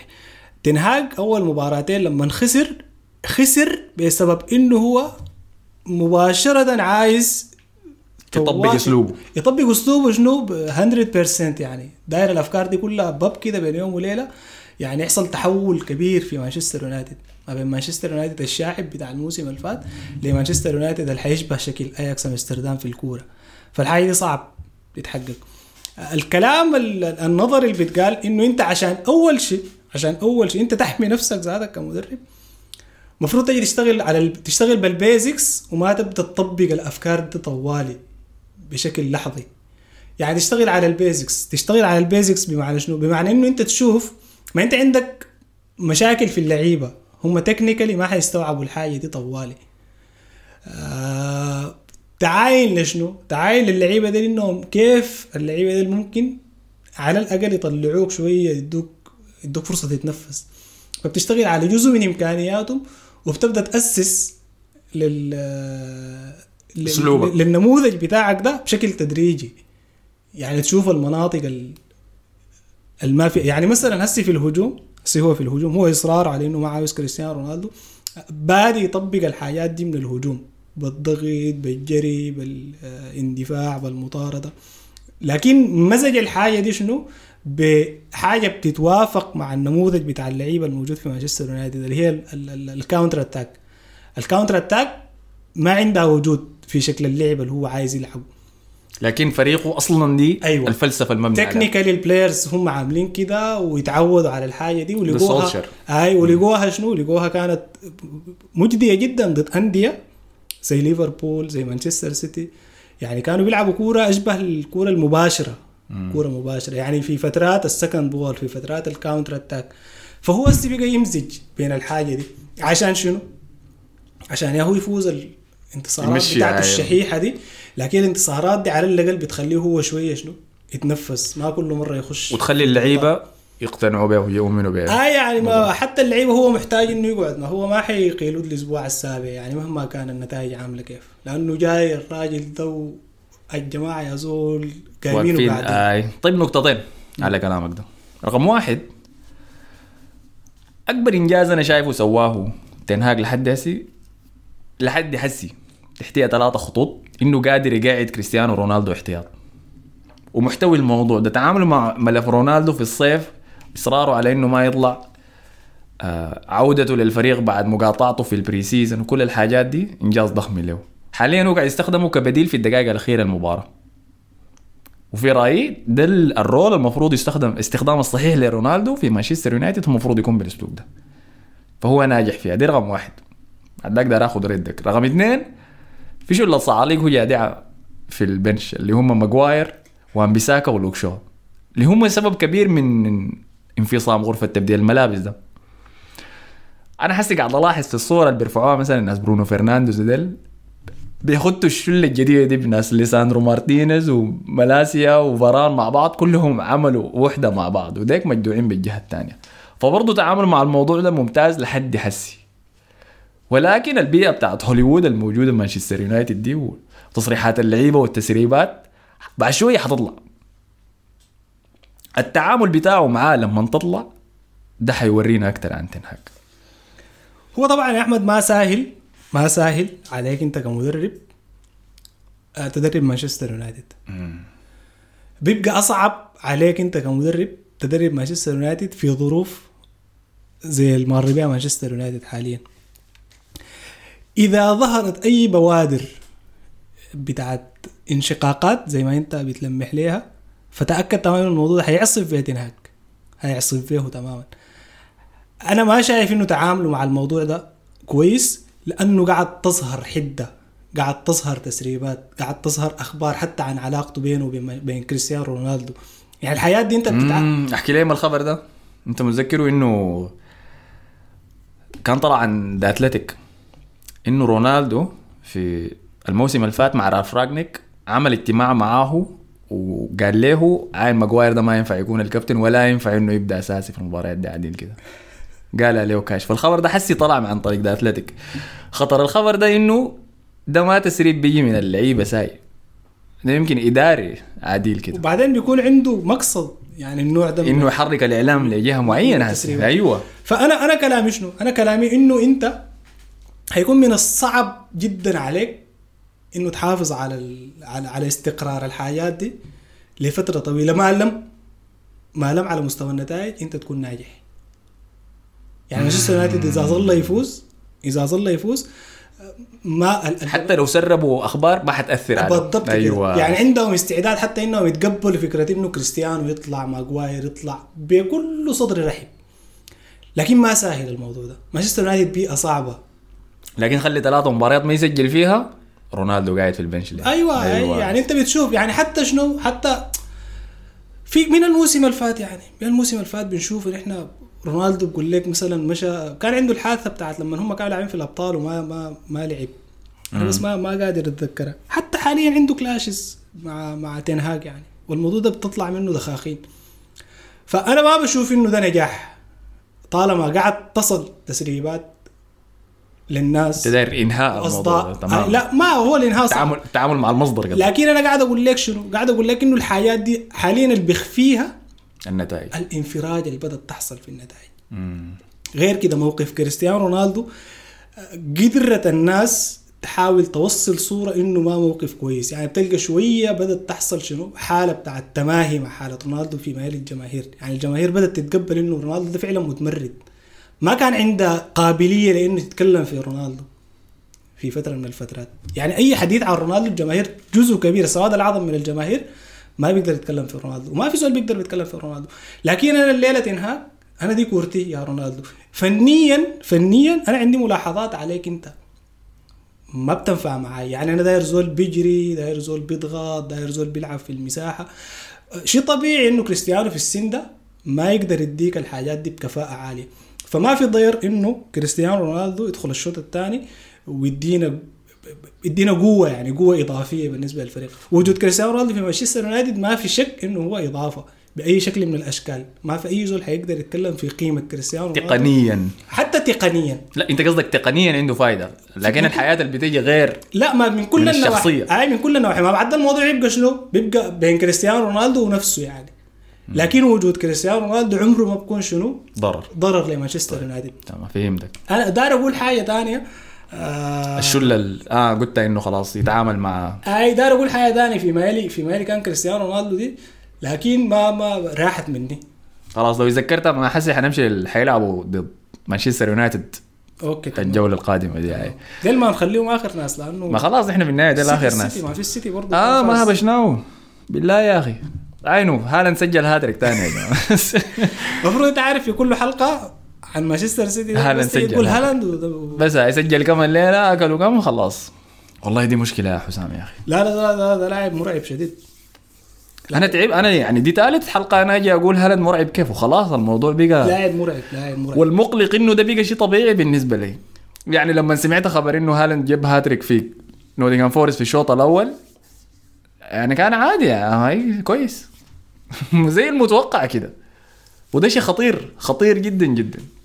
قالوا الدوري الإنجليزي هو دوري المزارعين هسي قالوا. والله يا أخي بغض النظر عن التصنيفات دي لكن اللاعب ده هو جبار. اللاعب ده جبار. أنا ما تكلمت عن هالاند صح؟ اتفضل هاي اللاعب ده أيضا إيه كل حلقة له أسبوع في زول بيجي بيقول هالاند مرعب كيف؟ تفضل. هالاند مرعب. يعني أنا بتذكر يا أحمد قريت حاجة عن هالاند مخيفة جدا. يعني الحاجة دي ببساطة بتقول شنو؟ بتقول إنه هالاند ده حاليا حاليا بالقدرات التهديفية العالية اللي بتتجاوز في فترات كثيرة ال expected goals بالنسبة له ما توظف في الحاجة اللي بتخليه يكون فتاك.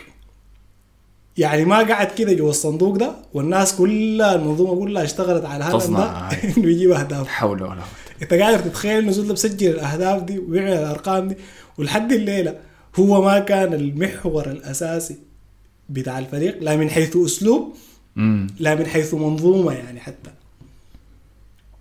فدي دي حاجة مخيفة.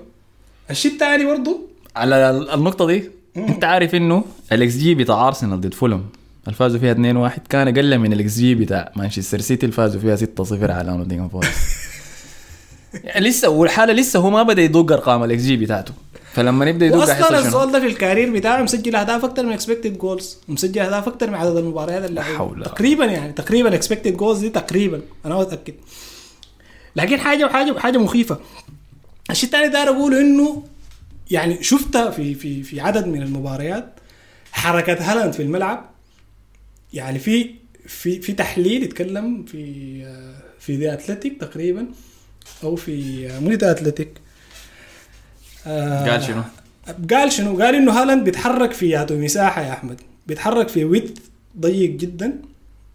اللي هو محيط ضيق جدا. عرض ضيق جدا. هاي في عرض ضيق جدا. العرض ده خط ال 18 امم خط ال 18 لكن من دائرة ال 18 لحد قريب شوية من دائرة السنتر أو مين مش من دائرة ال 18 من الخط بتاع الجون. خط العراضة ذاته مم. من الجون وانت طالع كده نصف القوس بتاع ال 18 انت طالع دي حركة هالاند في في معظم الكورة بتكون في الحتة دي ده ده ماشي المختصر المفيد؟ بس ده قاعد كده oriented بس تجاه الشبكة دي آي فدي حاجة شنو بتخليه هو يهدف بالشكل ال- ال- المخيف يلا. صح لأنه ليه؟ أنا قاعد ألاحظ آه. جري جرياته الزول ما عنده جرية ال ال- بين الظهير لقلب الدفاع. لا كده عادي. بين قلوب الدفاع ذاتها direct اللي هي دي أصعب جرية. دي أصعب جرية. حتى في الجرية في عنده عنده تكنيك عجيب. يعني ده في الجرية لحظة الانطلاق بتاعته ما بتكون في اللحظة اللي هو والمدافع في نفس الخط وبيناتهم في body contact من بدري. بيتأخر خطوة من المدافع.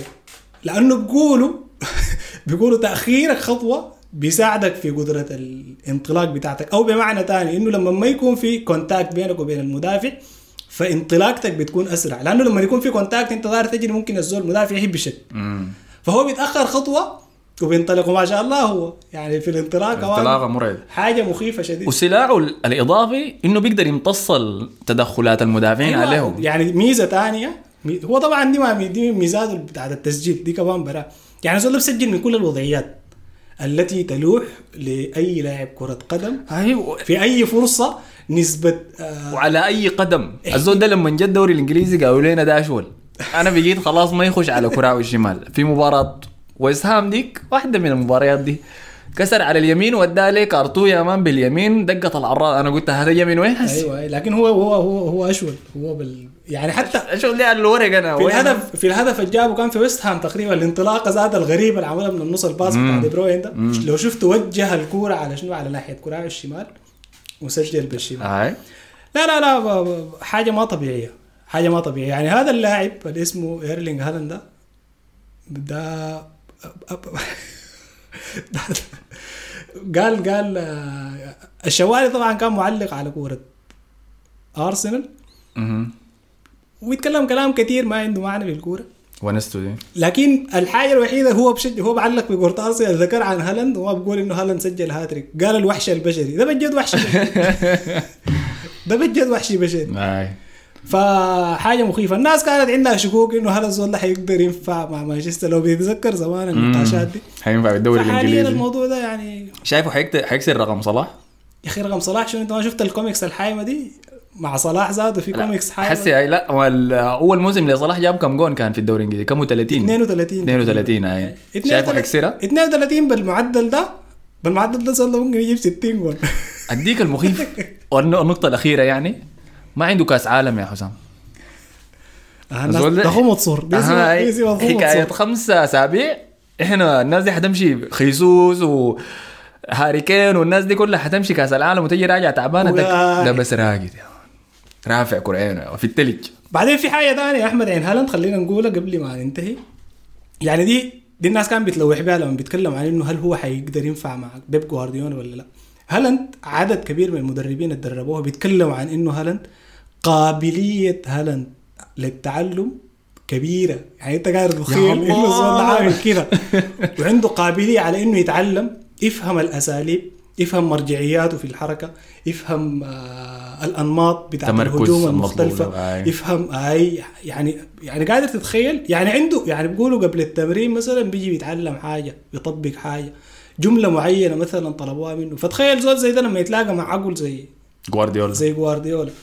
يعني احتمال اللعبة دي تتختم. هايتو يا أخي الله الله يستر. دعواتكم الله يطمني. دعواتنا. لكل المنافسين في الدوري الإنجليزي. طيب خلينا نمشي لأرسنال. غلب فولهام قدر يجي يجي- كان فولهام ولا كان منو المباراة اخر واحدة لعبناها دي؟ لا كانت آه، أستون فيلا. أستون فيلا. أيوه معلش. قدر يجي راجع في النتيجة آه 2 1 كان سجل الجون الأول بعد ذاك تلقى هدف عن طريق دوغلاس لويس من آه، corner وبعد ذاك قدر يسجل الهدف الثاني عن طريق جابريل مارتينيلي. فبس سريع كده عشان نخلص الحلقة آه انطباعاتك عن المباراة. طبعا الناس لو كانوا مدفعجيه ما حيكونوا راضين. يا لا لا دايرين حلقتنا الك... يا لكن إحنا قاعدين نحاول نعمل بشنو؟ في الموجود. المدفعيه الناس دي اكلنا حقهم في حلقة آه، فولهام اللي فاتت لأنه كان المباراة امم هاي دولة مزدوجة. فحقكم علينا يا شباب. عندنا حلقة حتطلع بعد مباراة مانشستر يونايتد عن من ركن المدفعجية وريتكم من حسي. ديك حنتعمق فيها يعني زي ما دايرين. هاي المباراة المباراة كانت آه، كويسة. النتيجة ما بتعكس شكل ال- ال- الفوارق اللي كانت حاصلة بين الفريقين. أرسنال صنع فرص كثيرة. ما هدف بنفس القدر اللي لاحت به الفرص للفريق. الناس بتتكلم عن إنه في هبوط بدأ يحصل في المستوى which دي ما حاجة حقيقية لأنه لما تتكلم عن مستوى بتتكلم عن بيرفورمانس بتاع فريق بتتكلم عن أداء بتاع لعيبة. آه الحاجة دي ما كانت حاصلة. زي ما أنا ذكرت النتيجة ما بتعكس أداء الفريق. الأهداف اللي قاعد تدخل في ارسنال يعني هدف استون فيلا خطأ مباشر برضو. نفس الطريقة هدف فولهام كان خطأ مباشر. هدف استون فيلا هو أي نعم فيه فيه ملاحظة. على وضعية الاحتكاك اللي حصلت ما بين الحارس وما بين لاعب أستون فيلا. لكن أنا بالنسبة لي حتى إذا ما الفار ما نقض الهدف أنا بشوف إنه فريق أرسنال بيتحمل جزء من مسؤولية الهدف ده. كان الحارس كان المدافعين. لأنه نحن بنحضر كورة لنا فترة طويلة جدا. أي محاولة بتاعت آه، منع للح- للحارس من إنه يشوف خلي بس مسار الكورة دي بيتم التصدي لها عن طريق لاعب يعني طوالي بتلقى في حالة شنو؟ إنه اللاعب جاي يبعد المنافس عن الحارس باستمرار.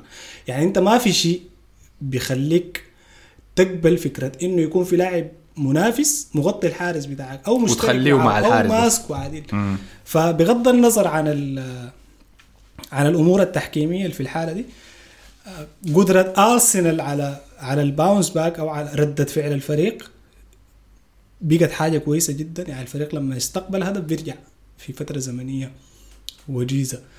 آه، تمسك الفريق بيا أبيض يا أسود برضه خلى الفريق يبني لحد الآن شخصية انتصارية كبيرة. يعني الفريق دائما باحث عن إنه يفوز لحد آخر لحظة. ال- التحفظ قد يكون من معظم الجماهير على إنه التعامل مع الفرص محتاج شوية شنو؟ يعني يبقى جودة أعلى. يبقى يبقى يبقى فيه حده يعني اللعيبه يبقوا كلينيكال قدام المرمى لكن أنا بالنسبة لي طالما الفرص بتلوح فدي مدعاة لإنه الناس تتفائل مم.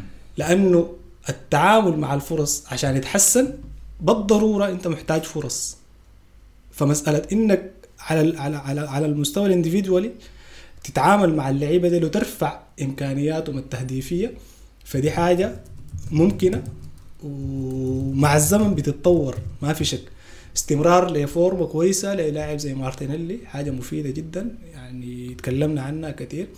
جابرييل جيسوس برضه الاثنين سجلوا في إضافة المباراة دي أيوة. مميزة جدا بالنسبة للفريق ال- الحالة اللي كانت مقلقة بالنسبة لجماهير أرسنال هي الإصابات اللي فجأة كده آه، حلت الفريق. علينا. آي. دي عادة أرسنال طبعا الناس اللي بتشجع أرسنال بتعرف إنه دي العادة بارتي ما في زينشينكو ما في. وال backup بتاع بارتي اللي هو النني أصيب برضه. برضه أصيب. فدي شوية خلقت ربكة بالنسبة للفريق. لكن ظهور لي لوكونجا آه، مقبول آه، ظهر بأداء جيد. حتى يعني يعني مثلا أنا قادر قادر قادر أتصور إنه لوكونجا في الموسم اللي فات في المباريات القليلة اللعيبة كانت بتقوم عليه حملة بتاعت إنه هو اللاعب الممكن أنا كان عندي رأي في الحاجة دي. تكلمنا عنها كثير برضو في حصاد أرسنال وتكلمنا عنها بما يكفي يعني. لكن لما يكون في لوكونجا وتشاكى معاه في أدوار شوية متقدمه بيتقلوا شوية في. النص. لما كمان يكون في زول زي زينشينكو في في شغل ال inverted full-back الموضوع ده برضه بيدي لوكونجا قوة. فدي factors ما كانت متوفرة في الموسم اللي فات. بتخلي زول زي لوكونجا ده حتى إذا الناس شايفة إنه عندها فيه رأي يظهر بشكل كويس الموسم ده. فعلى أي حال الفريق حقق المطلوب انتصار خامس على التوالي محافظ على الصدارة. فدي حاجة ما حصلت من زمن طويل جدا يعني من موسم 2005 اللي هو الموسم اللي بعد ال Invincible ده كان آخر مرة الفريق حقق فيها خمس انتصارات متتالية. لكن للأسف الشديد الموسم ذاك الفريق ما حقق اللقب. ونحن بالنسبة لتشيلسي خرافي ديك، أيوة. أيوة. هي دي كانت بداية تشيلسي. سبحان الله دي, دي النقطة اللي بدينا بها. آه، بدينا الليلة. بمورينيو وتشيلسي خلصنا به. طيب مباراتهم الجاية؟ يوم الاثنين قلنا ضد مانشستر يونايتد. يوم الأحد كمان. طيب يوم الأحد في أولد ترافورد متأخر بكره يا أخي المباراة دي ولو في مطرة ده ال package كده اكتمل خلاص. توقعاتك منو حيفوز؟ مين حيفوز؟ دي أنا ما حقولها. ولا تنتظروني اقولها في الحلقة دي. أنت أصلا ما أصلا ما بت...